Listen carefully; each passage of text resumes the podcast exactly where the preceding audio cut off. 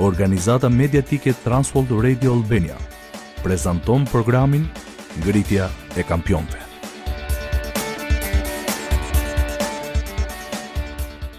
Ata ulën të heshtur në dhomë. Nëna fshiu me shami lotët dhe hodhi sytë nga dritarja. Babait i kalonin një mijë mendime në mendje. Si arriti të ndodhte kjo? Mos është faji im, Si na doli kaq shpejt nga kontrolli jeta në shtëpi? Mos e patëm gabim që vumë rregulla? Mendimet ia ndërpreu infermierja. E bëmë ekon. Tani mund të shkoni sërish në dhomë. Vajza juaj i ka kontraktimet në çdo 5 minuta tani. Së shpejti do të bëheni gjyshër. Gjyshër, tha ai me vete. Pas pak do të bëhemi gjyshër të një bebi pa baba. Nëna e tij është vajza jonë 17 vjeçare. Mirë se vini në programin Ngritja e Kampionëve. Unë jam Albani dhe jam këtu në studio me Pierinin. Edukimi i adoleshentëve mund të jetë sfidues edhe në rastin më të mirë. Sot do të diskutojmë për dallimin mes kontrollimit të jetës së adoleshentit dhe edukimit të tij për të patur jetë kuptimplotë. Fakti nëse i kontrollojmë ose i edukojmë mund të ketë ndikim të jashtëzakonshëm në mënyrën si e trajtojnë jetën adoleshentët. Prandaj, për këtë temë të rëndësishme do të diskutojmë kur të kthehemi pas siglës në programin Ngritja e Kampionëve.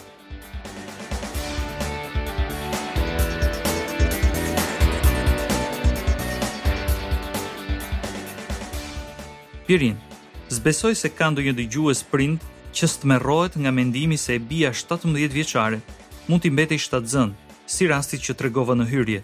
Shtatzënia e vajzës së pamartuar është një frikë e fshehtë, që shumë prindër e mbartin me vete. Dhe mendoj se një nga arsyet pse shkakton frikë, edhe ka shumë arsye të tilla, është se kjo është një zonë mbi të cilën s'kemi kurrfarë kontrolli. Vërtet që s'kemi, dhe kjo s'na pëlqen. Po. Dhe ne po flasim për mbetjen shtatzënë të vajzës, por mund të ndodhë që djali ynë adoleshent ta lërë të dashurën e vet shtatzënë. ose që fëmija yt adoleshent të shoqërohet me njerëzit e gabuar, të abuzojë me drogën ose të dehet. Ka një listë të gjatë gjërash, por të gjitha këto kanë diçka të përbashkët. Shpesh prindërve u duket sikur s'kanë asnjë kontroll mbi situatën. Dhe siç the edhe ti Alban, prindërve, por unë do shtoja burrave në veçanti, s'u pëlqen kur s'i kanë gjërat nën kontroll. Kështu për të shmangur mundësinë e këtyre lloj situatash, Përpiqemi ta kontrollojmë adoleshentin që të mos arrijë të bëjë asnjë prej këtyre gjërave të tmerrshme. Kur në fakt rruga biblike është që t'i edukojmë. Kontrolli të paktën burrave u duket gjë e mirë. E vërtetë. Dhe mua më pëlqen shumë kur mendoj se kam kontrollin. Por kontrolli dhe kur them kontrolli, e kam fjalën për kontrollin e çbalancuar, kontrollin e tepërt. Atë lloj kontrolli në prindërim dhe sidomos në prindërimin e adoleshentëve. Kjo lloj sjellje mund të duket sikur funksionon në mënyrë afatshkurtër, por mund të ketë rezultate shkatërrimtare në vështrimin afatgjatë. Një shembull është historia që tregove në fillim të emisionit. Është e bazuar në histori të vërtetë dhe hollësitë e kësaj historie vlen të përmenden. Babai ia kishte ndaluar vajzës që të dilte me çuna pa mbushur gjashtëmbëdhjetë vjeç. Dhe me sa kuptohet, nuk kishte përdorur parimet biblike për edukimin e fëmijëve që i përmendëm në emisionin e fundit. dhe nëse ndonjëri nga dëgjuesit dëshiron ta dëgjojë atë emision, mund ta gjejë në faqen tonë championsarise.org, titullohet Kthimi i zemrave të baballarëve te fëmijët. Po, dëgjimi i atij emisioni është shumë i dobishëm. Por babai që përmendëm kishte një lloj qëndrimi që thoshte, Unë jam shefi dhe unë të them se s'ke për të dalë me çuna pa mbushur gjashtëmbëdhjetë vjeç. Ky program nuk flet për moshën kur fëmijët mund të dalin në takime me të tjerët. kjo është mes perëndisë teje, gruas dhe fëmijëve tuaj adoleshentë. Po rregulli i tij ishte që s'ka takime para moshës gjashtëmbëdhjetë vjeçare. Nuk e kishte edukuar, as kishte diskutuar për arsyet e kësaj. Ata si prindër nuk i kishin mësuar së bijës parime të mençura ta drejtonin në jetë. Fokusi ishte te rregulli. Me sa duket, vajzës s'i pëlqeu ky rregull. Mendonte se ky rregull ishte shumë i padrejtë. I vinte turp kur shoqet e pyesnin pse s'dilte dot me çuna. I dukej sikur babai s'kishte besim tek ajo.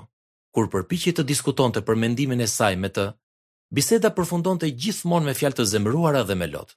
Babait i dukej sikur po i sfidohej pozita e tij si drejtues i shtëpisë. Nga pikëvështrimi i tij, ai thjesht po përpiqej ta mbronte të bijën. Por komunikimi mes tyre kishte përfunduar. E ëma e vinte re se e bija ndihej e poshtëruar që ishte e vetmja që s'dilte me çuna. Por brenda vajzës, po rritej një mllef që asnjëri prej prindërve s'arrinte ta shihte. Dhe një ditë do të mbushte gjashtëmbëdhjetë vjeç. Kështu ndodhi. Edhe rregulli s'ishte më në fuqi. Dhe për shkak se marrëdhënia prindër-fëmijë s'kishte patur edukim, perspektivë apo komunikim cilësor kur rregulli iku, iku edhe goca. Ajo dilte pothuajse çdo natë me çuna. Dhe tani që ngiste makinën, takimet i bënte pas shkolle ose takohej me çuna diku tjetër. s'rrinte pothuajse kurrë në shtëpi, edhe prindërit s'e dinin fare me kë dilte. Kur prindërit takonin ndonjë prej të dashurve, kur prindërit takonin ndonjë prej të dashurve, nuk iu dukej tipi i duhur për vajzën e tyre. Po prindërit, a komunikonin me të? Po, nëse mund të quhen komunikim sherret pse vonohej aq shumë, ose pse dilte me filan person. Nganjëherë ajo rrinte gjithë natën jashtë. Kështu prindërit u shqetësuan shumë, sepse kjo lloj sjellje do të sillte pasoja. Dhe pasoja e vajzës së tyre ishte që mbeti shtatzënë në moshën shtatëmbëdhjetë vjeç.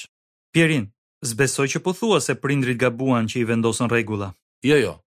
Rregullat janë shumë të rëndësishme, por duhen zbatuar në mënyrë biblike dhe javën e kaluar e pamë këtë gjë. Por unë mendoj se është e rëndësishme të bëjmë një përsëritje të shkurtër.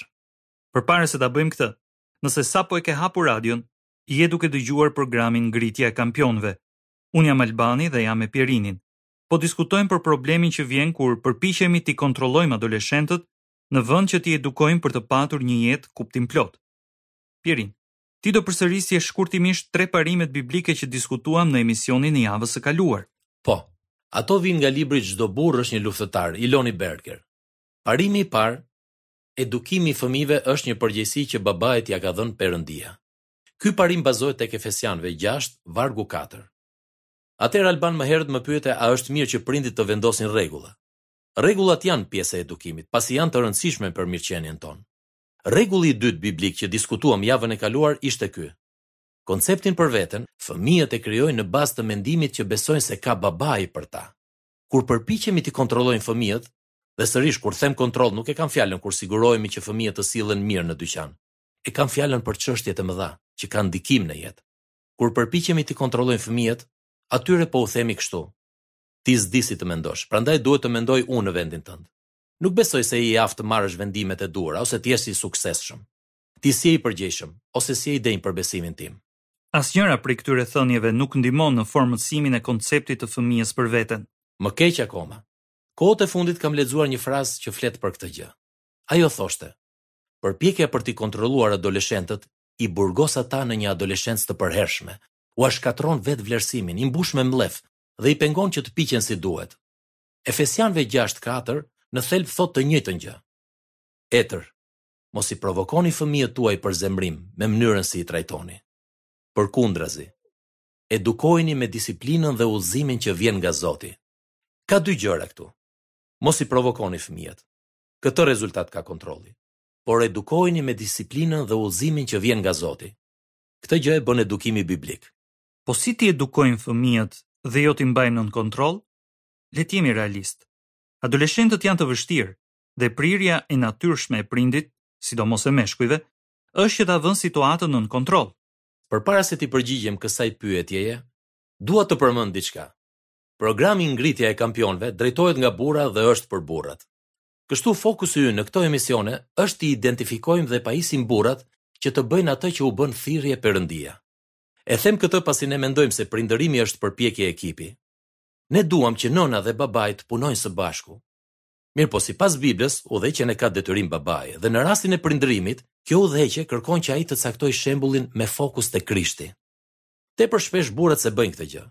Prandaj nëse dukem sikur po përqendrohem tek burrat, keni të drejtë. por këtë po e bëj në kontekstin e prindërimit të çiftit së bashku në mënyrë biblike. Atëherë, cila ishte pyetja jote, më fal? Jam i lumtur që ua sqarove këtë dëgjuesve. Pyetja ishte, si t'i edukojmë fëmijët në vend që t'i kontrollojmë? Puna është se kontrolli duhet të bëhet në përputhje me moshën. Kur i kemi fëmijët e vegjël, duhet të kontrollojmë pothuajse gjithçka që bëjnë për t'i mbrojtur. Mirëpo nëse duam që të piqen si adoleshentë dhe të mos i provokojmë për zemërim, duhet të fokusohemi te edukimi i tyre. Dhe synimi i edukimit është t'ua rrisë aftësinë e të menduarit dhe t'ua rrisë kapacitetin për të marrë vendimet e duhura. Sepse ne s'do të jemi gjithmonë me ta. Vërtet, një ditë ata do të rriten dhe me shpresë, do të bëhen të pavarur. Ky është synimi ynë. Dhe parimi i tretë biblik për edukimin e fëmijëve është ky, Fjalët që i thuhen fëmijës i përcaktojnë të ardhmen.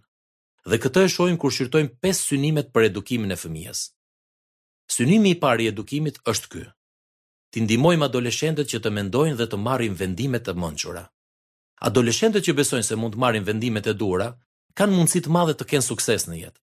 Synimi i dytë është t'i ndihmojmë që të mësojnë pasojat e vendimeve që marrin. Shprehja mos e bëj nuk ua shpjegon, as ua mëson pasojat. Në thelb, kështu veproi babai në historinë që treguam më herët.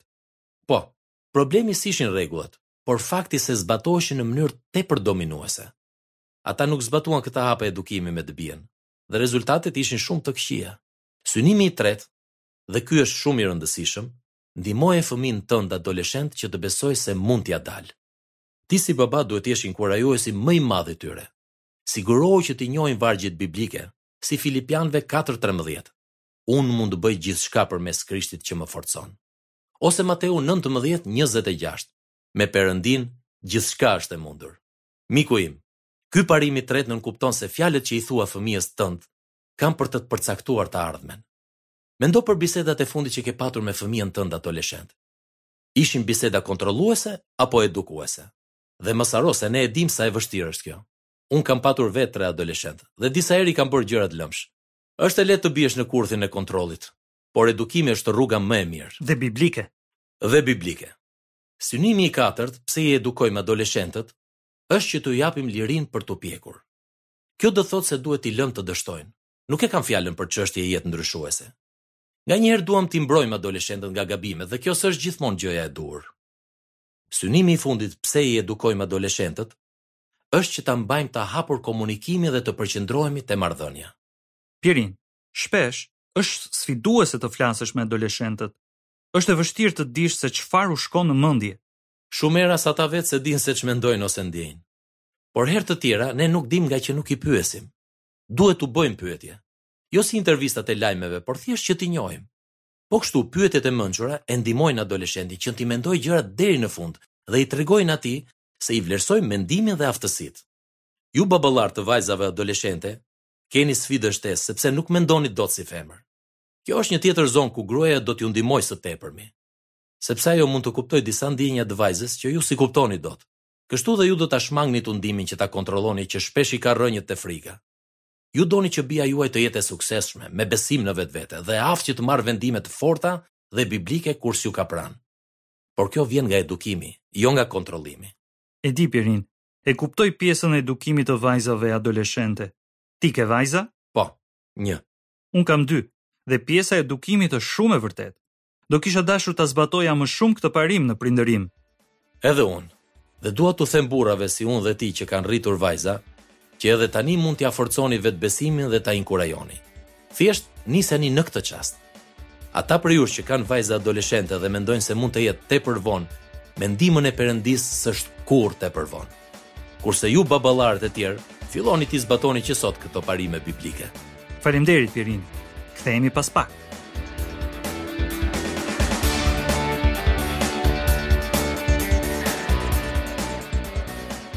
Faleminderit që na ndoqët në programin Ngritja e Kampionëve. ku burrat pajisen dhe forcohen që të përmbushin potencialin që u ka dhënë Perëndia.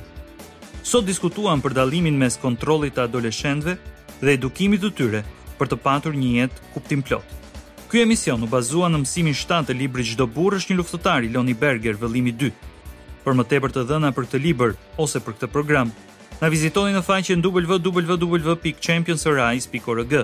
Na shkruaj një letër në Transworld Radio Albania kutia postare 130 Tiranë ose një email në adresën valëteungjillit@yahoo.com.